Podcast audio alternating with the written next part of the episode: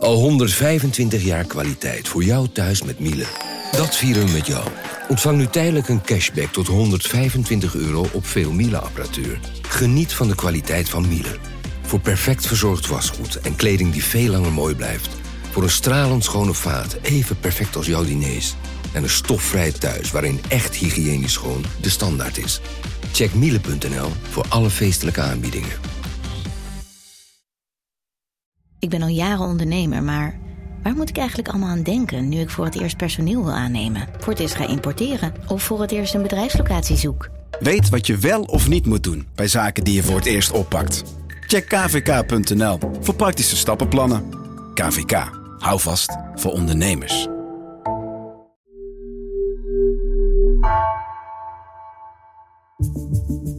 Vanaf de redactie van NRC het verhaal van vandaag. Mijn naam is Misha Melita.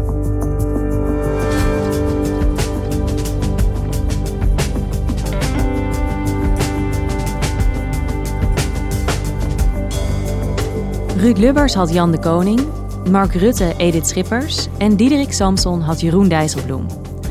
De tweede man of vrouw achter politieke leiders is minstens net zo belangrijk, maar vaak onzichtbaar. Verslaggever Kees Versteeg dook in de politieke geschiedenis en schreef een boek over deze schaduwleiders.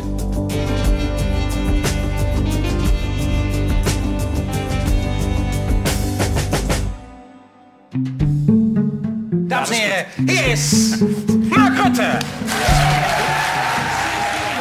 Carlo en Irene was een programma dat uh, in uh, 2010 veel werd uitgezonden door RTL 4. was een uh, losse, gezellige talkshow. Met hapjes op tafel, met veel muziek, met een gezellige studio.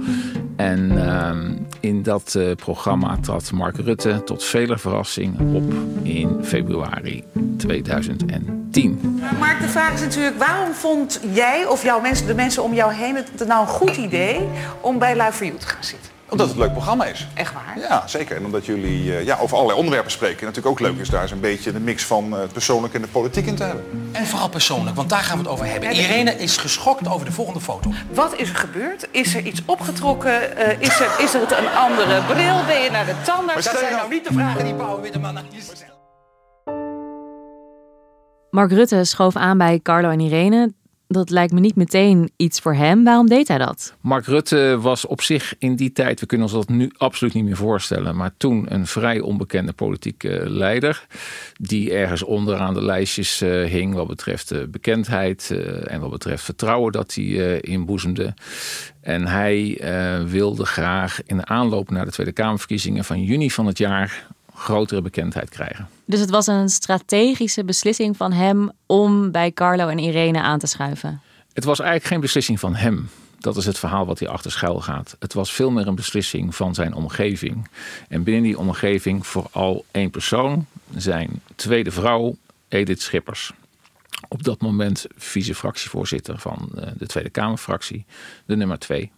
Ja, en zij was eigenlijk de vrouw achter Mark Rutte.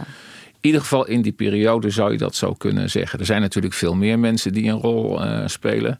Maar zij had een heel voorname rol in het uh, ontwikkelen van het leiderschap van Mark Rutte in die tijd.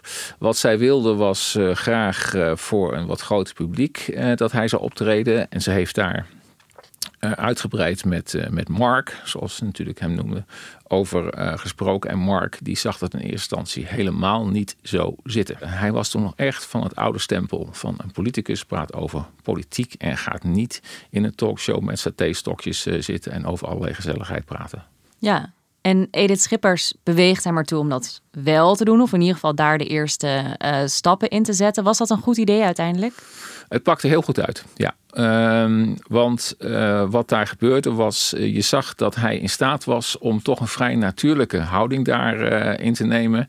Een vrij natuurlijk gesprek met de aanvankelijk nogal sceptische en wantrouwige presentatoren te voeren. En die te overtuigen van zijn, van zijn goede intenties.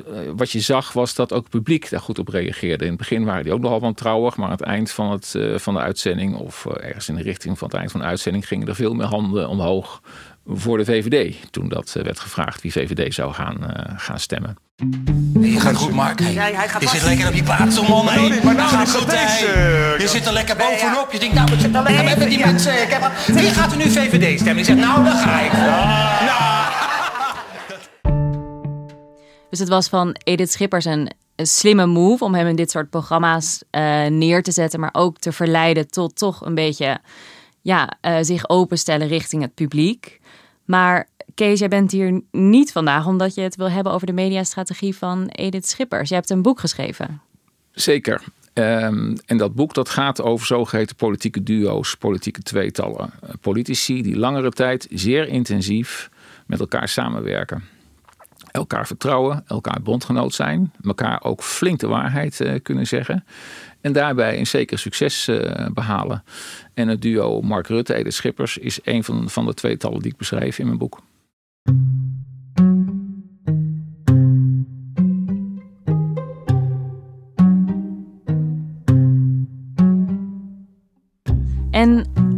Wat is het aan dit soort politieke tweetallen dat jou zo fascineert? Waarom ben je hier aan gaan verdiepen? Het is niet zo dat ik op een goede dag in 2012, want toen ben ik erover begonnen te denken, achter mijn bureau ging zitten en dacht van laat ik eens een keer over politieke tweetallen gaan schrijven. Zo gaat dat eh, niet. Wat er eh, gebeurde was dat ik een gesprek met vrienden had, een etentje ergens en eh, toen kwam de vraag aan de orde, door welke politicus laat jij je inspireren? Voor welke politicus zou je graag werken? We konden op dat moment niemand bedenken. Dus we hebben de vraag herformuleerd voor onszelf. Zijn er mensen in het verleden die eh, die rol misschien eh, speelden... en misschien niet die aandacht en eer hebben gekregen... die ze achteraf gezien verdienen? En toen kwamen we op een eh, persoon die ja, relatief onbekend is nu... maar in zijn eigen tijd dat zeker wel was. Dat is de persoon van Jan de Koning... Jan de Koning was eh, een van de medeoprichters van het CDA in de jaren 70. Die een heel belangrijke rol gespeeld heeft in het premierschap van Ruud Lubbers. Nou, Ruud Lubbers is natuurlijk wel wat eh, bekender. Vanaf 1982 tot 1994 premier. En wat relatief onbekend is, is de grote rol die Jan de Koning in dat premierschap van eh, Ruud Lubbers heeft gespeeld. Jan de Koning was dus de man achter Ruud Lubbers. Hoe belangrijk was hij voor hem? Om de betekenis van Jan de Koning te begrijpen, moeten we eigenlijk even terug naar eh, 1982. Toen was Dries van Acht, ook premier, was de leider van het CDA, maar die hield ermee op. En die had eh, Jan de Koning naar voren geschoven. Jan de Koning was min of meer zijn rechterhand eh, in het eh, kabinet eh, geweest. Had een groot vertrouwen eh, in hem. En eh, wilde hem graag eh, hebben. En in die tijd was het nog zo. Wie partijleider van het CDA wordt, wordt automatisch nieuwe premier. Zo simpel was dat eh, toen. In ieder geval ehm, was het zo dat Jan de Koning, toen hij dat vernam, daar resoluut nee tegen zei. Hij wilde niet. Hij wilde niet. Hij zei van, niet ik moet dat gaan doen, maar Ruud. Ruud Lubbers, die hij al redelijk goed, goed kende. Die is veel creatiever dan ik. Die, die kan veel beter de kaart trekken. Dat is een tamelijk uniek gebaar in de Nederlandse politieke geschiedenis. Als je ziet hoe graag en hoe lang mensen daarna premier eh, wilden worden en wilden blijven, dan is dat in, in, in retrospectief helemaal een eh, uniek eh, gebaar. Mag ik u even wat vragen? Ehm, u heeft gezegd, meneer Van Aert, dat u toch niet al te lang meer in de politiek blijft. Eh, is de heer Lubbers eh, een goede opvolger voor u? Uw opvolger? Uitstekend. Maar is het ook uw kandidaat? Het is een prima man. Kun je zo zien trouwens. Daar komt nog iets anders bij. En dat was wat ons in dat vriendengesprek zo fascineerde. Dat hij niet alleen eh Ruud Lubbers eh, de kans gaf om in dat torentje te komen. Maar hem ook nog eens een keer ging helpen om een succesvol eerste kabinet eh, van de grond te tillen. Je moet je voorstellen, in die tijd waren het echt zware tijden economisch eh, gezien. Groot financieringstekort, veel werkloosheid, met name ook veel jeugdwerkloosheid. We stonden er helemaal niet goed, eh, goed voor. Dus zo'n kabinet, het moest echt diepe ingrepen eh, doen. Ja, want het waren pittige tijden, zei je al. Hoe hielp Jan de Koning Ruud Lubbers daarbij? Dat deed hij eigenlijk op twee verschillende manieren. Persoonlijk en meer politiek. Persoonlijk was het zo dat eh, hij tegen Ruud Lubbers kon zeggen... als hij aan het nadenken was over verschillende opties... om weer eens zo'n diepe ingreep eh, te doen... om de financiën weer op orde te krijgen... had hij wel 15 verschillende opties. En dan uh, kon Jan de Koning tegen hem zeggen: Nu moet je ophouden met steeds delibereren en nadenken welke opties we zullen kiezen. We gaan gewoon voor deze. Waarbij die uh, Ruud Lubbers ook een beetje over zijn angst heen hielp dat hij als een soort van uh, miljonair uh, zoon, hij was mede-eigenaar van een bedrijf, Ruud Lubbers, bezig was om uitkeringen van mensen af te, te pakken. Dat, dat speelt op de achtergrond steeds een rol. Zo werd hij in die tijd beschreven. En als, het dan, als je dan iemand naast je hebt die, die op een gegeven moment je aanmoedigt om een knoop door te hakken. En die bovendien, nou, nou komt de tweede factor uh, uh, in beeld, ook een bepaald politiek gezag zelf heeft, dan maakt het dat uh, makkelijker. Jan de Koning die stond helemaal niet bekend als rijkeluiskindje. die, was, die had sociaal geografie gestudeerd. Ehm, had een oorlogsverzetsverleden. in die tijd, meer nog dan nu, had je daarmee een bepaald moreel gewicht, moreel gezag.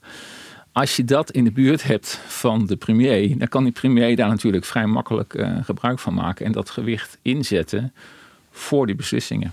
Jij bent die geschiedenis ingedoken. Dit is het eerste Nederlandse politieke duo dat je beschrijft. Hoe ontstaan dit soort politieke duo's? Had ik me niet gerealiseerd toen ik hier uh, in uh, dook, maar ze ontstaan vaak in een, een, nieuwe politieke tijd, in een nieuwe politieke periode, waarin vaak sprake is van onzekerheid, crisis, kwetsbaarheden, uh, zie je dan dus wat ik uh, noem schaduwleiders uh, opduiken. Dat zijn dus mensen die zelf ook van wanten weten, die zelf eigenlijk ook een soort leider zijn, die bijvoorbeeld leiding kunnen geven aan een departement of anderszins of aan een fractie, maar zich ook vaak in de buurt achter, naast die leider uh, bevinden, meebewegen en uh, waar een heel intrigerende interactie ontstaat. Kun je zo'n positie ook een beetje vergelijken met vriendschap of hoe verhoudt zich dat? Ja, dat is een vraag inderdaad die ik tijdens mijn onderzoek wel vaker uh, kreeg. En uh, het is uiteindelijk geen vriendschap. Sterker nog, sommige mensen die ik sprak, die ontkenden juist dat er sprake was van vriendschap. Dat ze bij elkaar over de vloer kwamen bij de verjaardag. Uh, politieke duo's zijn zeker geen tweetallen die gearmd uh, over het binnenhof uh, lopen met elkaar de hele dag. Absoluut niet. Het gaat juist om heel andere dingen. Het gaat over een diep gevoel van verbondenheid, van politieke verbondenheid. Dat je elkaar nodig hebt om politiek doel te bereiken. Aan de ene kant verbindt iemand zich met de leider, uh, die, uh, zet het ervoor in, uh, probeert zijn succes te vergroten. Aan de andere kant, achter de schermen, wordt er behoorlijk gevloekt, getierd en gedaan. Ja, dus je hebt eigenlijk verschillende rollen die je als schaduwleider kunt aannemen. Precies, ik heb er minstens tien geïdentificeerd. Ja. Minstens tien. Ja, we gaan ze niet allemaal af. maar, ja.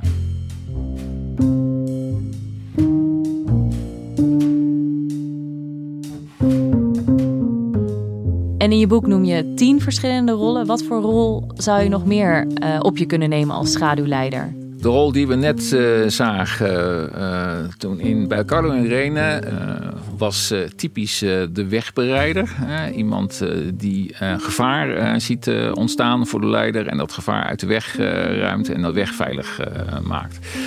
Maar je hebt ook, en daar komt een andere rol van een tweede man eh, bij kijken. Dat is die van de tegenspreker, zoals ik dat maar noem. De liefdevolle criticus, zou ik bijna zeggen. Iemand die betrokken is, maar behoorlijk tegengas uh, geeft. Daar is ook een heel mooi voorbeeld uh, van op een heel cruciaal moment. Dat is namelijk bij de Tweede Kamerverkiezingen van 2012. En Diederik Samson, die nog net gekozen is bij interne lijsttrekkersverkiezingen. die moet dan proberen een aantal lijsttrekkersdebatten te winnen. En uh, dat is natuurlijk vreselijk spannend voor hem. Dat is allemaal uh, nieuw. En dan zie je die figuur van die tweede man, in ieder geval die, zijn politieke bondgenoot, Jeroen Dijsselbloem, die zie je daar een enorm belangrijke rol in, in spelen. En wat in, in 2012 heel erg speelde, was de vraag van wat gaan we met de euro doen en wat gaan we met noodlijdende landen als Griekenland doen. En een van de grote vragen bij een van de lijsttrekkersdebatten zou worden van gaan wij inderdaad in de komende kabinetsperiode weer meer steun aan de Grieken geven. Aan wat dan het eerlijke verhaal is gaan heten. Meneer Wilders, dan wordt u gebeld, bent u premier, zit u in een torentje, belt Angela Merkel. Ik heb nog één keer wat extra nodig om Griekenland overeind te houden. Wat is dan uw antwoord? Eh, dan ga maar naar Rutte, daar in de oppositie, want van mij krijg je niks. Oké, okay, van u krijgt ze niks. Meneer Rutte, als u belt, We hebben toch één keer nodig om de boel overeind te houden. Daar ben ik tegen. We hebben twee keer geholpen. Ze moeten zich nu aan afspraken houden. Het is nu aan de Grieken om te laten zien dat ze bij de euro willen blijven. Er komt geen geld bij. Er komt geen cent erbij. En daar gaat u ook niet mee motioneren? Nou, je moet je voorstellen, dan zitten dus laten we zeggen, een paar van PvdA zit dan ergens in een boertel, heet dat, een verbouwde boerderij, een, een hotelboerderij ergens in Brabant. Die zitten dus dat allemaal voor te bereiden. En daar ontstond dus een enorme eh, discussie eh, over, namelijk over de vraag gaan wij op de rode of de groene knop uh, drukken. Wel of geen steun voor Wel Griekenland. of geen steun voor, uh, voor Griekenland. En uh, nou, daar zag je duidelijk een politiek verschil tussen Dijsselbloem en, en Samson. Waarbij Dijsselbloem veel euroceptischer was. En vond dat dus op de rode knop gedrukt moest worden. Terwijl Samson, veel Europees gezinder, juist vond dat het de groene moest zijn. Nou, dat, dat was een enorme clash. Maar dan is het niet zo op zo'n moment dat dan dus Samson zegt van nou weet je wat, ik ben de eerste man, ik, ik ben degene die knoop doorhakt, we gaan het zo doen. Nee, die heeft dan als het ware toch de steun van andere mensen, in dit geval van Dijsselbloem, die hem heel erg ja, gesteund heeft, gecoacht heeft in in de jaren daarvoor, heeft hij nodig om een geloofwaardig verhaal te, te kunnen houden.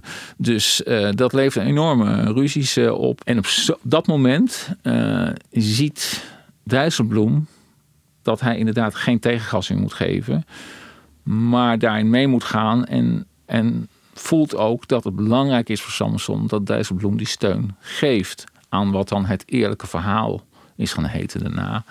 En het eerlijke verhaal was, en dat heeft Samson dus later in zijn slotpleidooi gezegd, van je moet de kiezer geen rad voor ogen draaien. Je moet gewoon eerlijk vertellen waar het op staat. En de werkelijkheid is deze. Er zal de komende kabinetsperiode opnieuw geld naar de Grieken gaan. En nu meneer Samson. Dat is drie keer een belofte die gebroken gaat worden. Want de Europese Unie hoort bij elkaar. En daarom zou het kunnen dat je de Grieken een, een, jaar extra ruimte geeft om orde op zaken te stellen. Zodat ook hun economie weer kan groeien. Zodat we uiteindelijk gezamenlijk verder komen. Niemand heeft er iets aan als de Grieken nu uit de euro stappen. Een chaos creëren en de economische groei van de Europese Unie als geheel schaden. Er spreekt ook een afhankelijkheid in deze relatie, natuurlijk elke relatie wel heeft. Maar ik kan me ook voorstellen dat je misschien helemaal geen geschikte tweede man of vrouw in de buurt hebt. Of dat er geen klik is. Of dat je misschien het gewoon lekker wel zelf alleen wil doen. Ja. In mijn voorbeelden speelt een tweede man een belangrijke rol, maar dat is absoluut geen noodzaak. Er zijn ook stadleiders die het of alleen doen, omdat ze dat graag willen, of een model ontwikkelen met teams of rivals. Dus dat zijn, laten we zeggen, groepjes van deskundigen op allerlei gebied, die dan met verschillende oordelen komen en waar dan de president uit kan kiezen. Ja, het is geen natuurwet dat je een tweede man moet Nee, hebben of zeker tweede niet. vrouw. Nee, het is niet eh, een soort model dat je kunt ontwikkelen waarvan een consultant zegt: Weet u wat, ik heb hier een superieur model van samenwerking voor u. Gaat u dat maar eh, mooi, mooi uitvoeren? Dat moet zich vormen en dat vormt zich in toevalligheid onder bepaalde omstandigheden. En de ene keer wel, de andere keer niet. En Kees, we begonnen de aflevering met het eh, iconische politieke duo Mark Rutte-Edith Schippers. Maar Edith Schippers is inmiddels uit de politiek. Klopt, sinds Eh, 2017. ja. Wie doet het nu voor Mark Rutte? Wie is zijn eh, sparringpartner? Nou, wat je ziet is dat er nog een aantal eh, getrouwen uit die tijd overblijven. Eh, de, de belangrijkste is eh, Stef Blok, die eh, alles overleefd heeft eh, tot nu toe. Eh, maar ehm, eh, ik heb inderdaad mezelf de vraag gesteld: stel op een gegeven moment tweede man verdwijnt van een toneel. Wat gebeurt er dan met die eerste man? Nou, in dit geval is het zo dat bij Rutte, dat hij zeker toen hij premier werd, eh, zich als een vis in het water voelde. In die nieuwe rol van premier had hij Schippers veel minder nodig. Ehm, dus ehm, nou, Schippers verdwijnt eh, op een gegeven moment. En hij heeft vrij veel succes gehad als premier. Dus ja, ehm, eh, wat dat betreft eh, ja, was die tweede man overbodig geworden. En Kees, in 2012 ben je begonnen met dit boek, of is in ieder geval het idee ontstaan.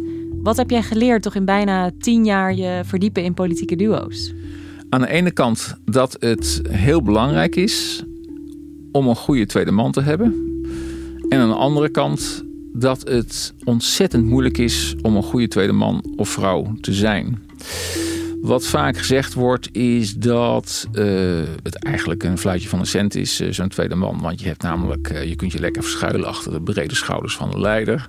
Als het er echt op aankomt, als het echt gevaarlijk wordt, hoef je geen verantwoordelijkheid te dragen. gaat uh, alle negatieve commentaar gaat naar de leider toe. Dat deel ik dus niet. het is best lastig om op de juiste momenten verantwoordelijkheid te nemen als tweede man. En die voelen ze vaak ook. En op die momenten de leider vooruit te helpen. Ik vond het fascinerend om dat patroon te volgen. En ik ben daarvan onder de indruk geraakt. Ja, en alle credits gaan toch ook automatisch naar de eerste man, denk ik. En alle credits gaat ook, gaan ook naar de eerste man. Je ziet bijvoorbeeld toen Ruud Lubbers overleed... dat er heel veel over hem geschreven werd. En heel weinig over de persoon achter hem, Jan de Koning. Ja, die zijn we toch al een beetje vergeten. Die zijn we allemaal vergeten. Dankjewel, Kees. Graag gedaan.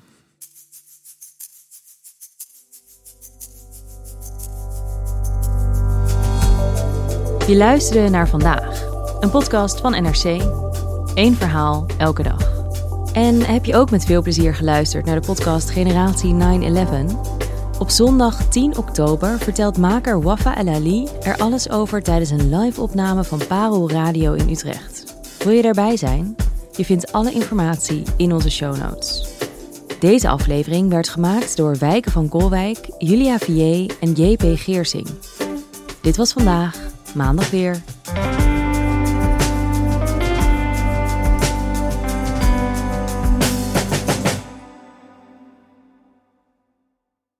Technologie lijkt tegenwoordig het antwoord op iedere uitdaging. Bij PwC zien we dit anders. Als we de potentie van technologie willen benutten, kunnen we niet zonder een menselijk perspectief. Human-led, tech-powered noemen we dat. Ga naar pwc.nl.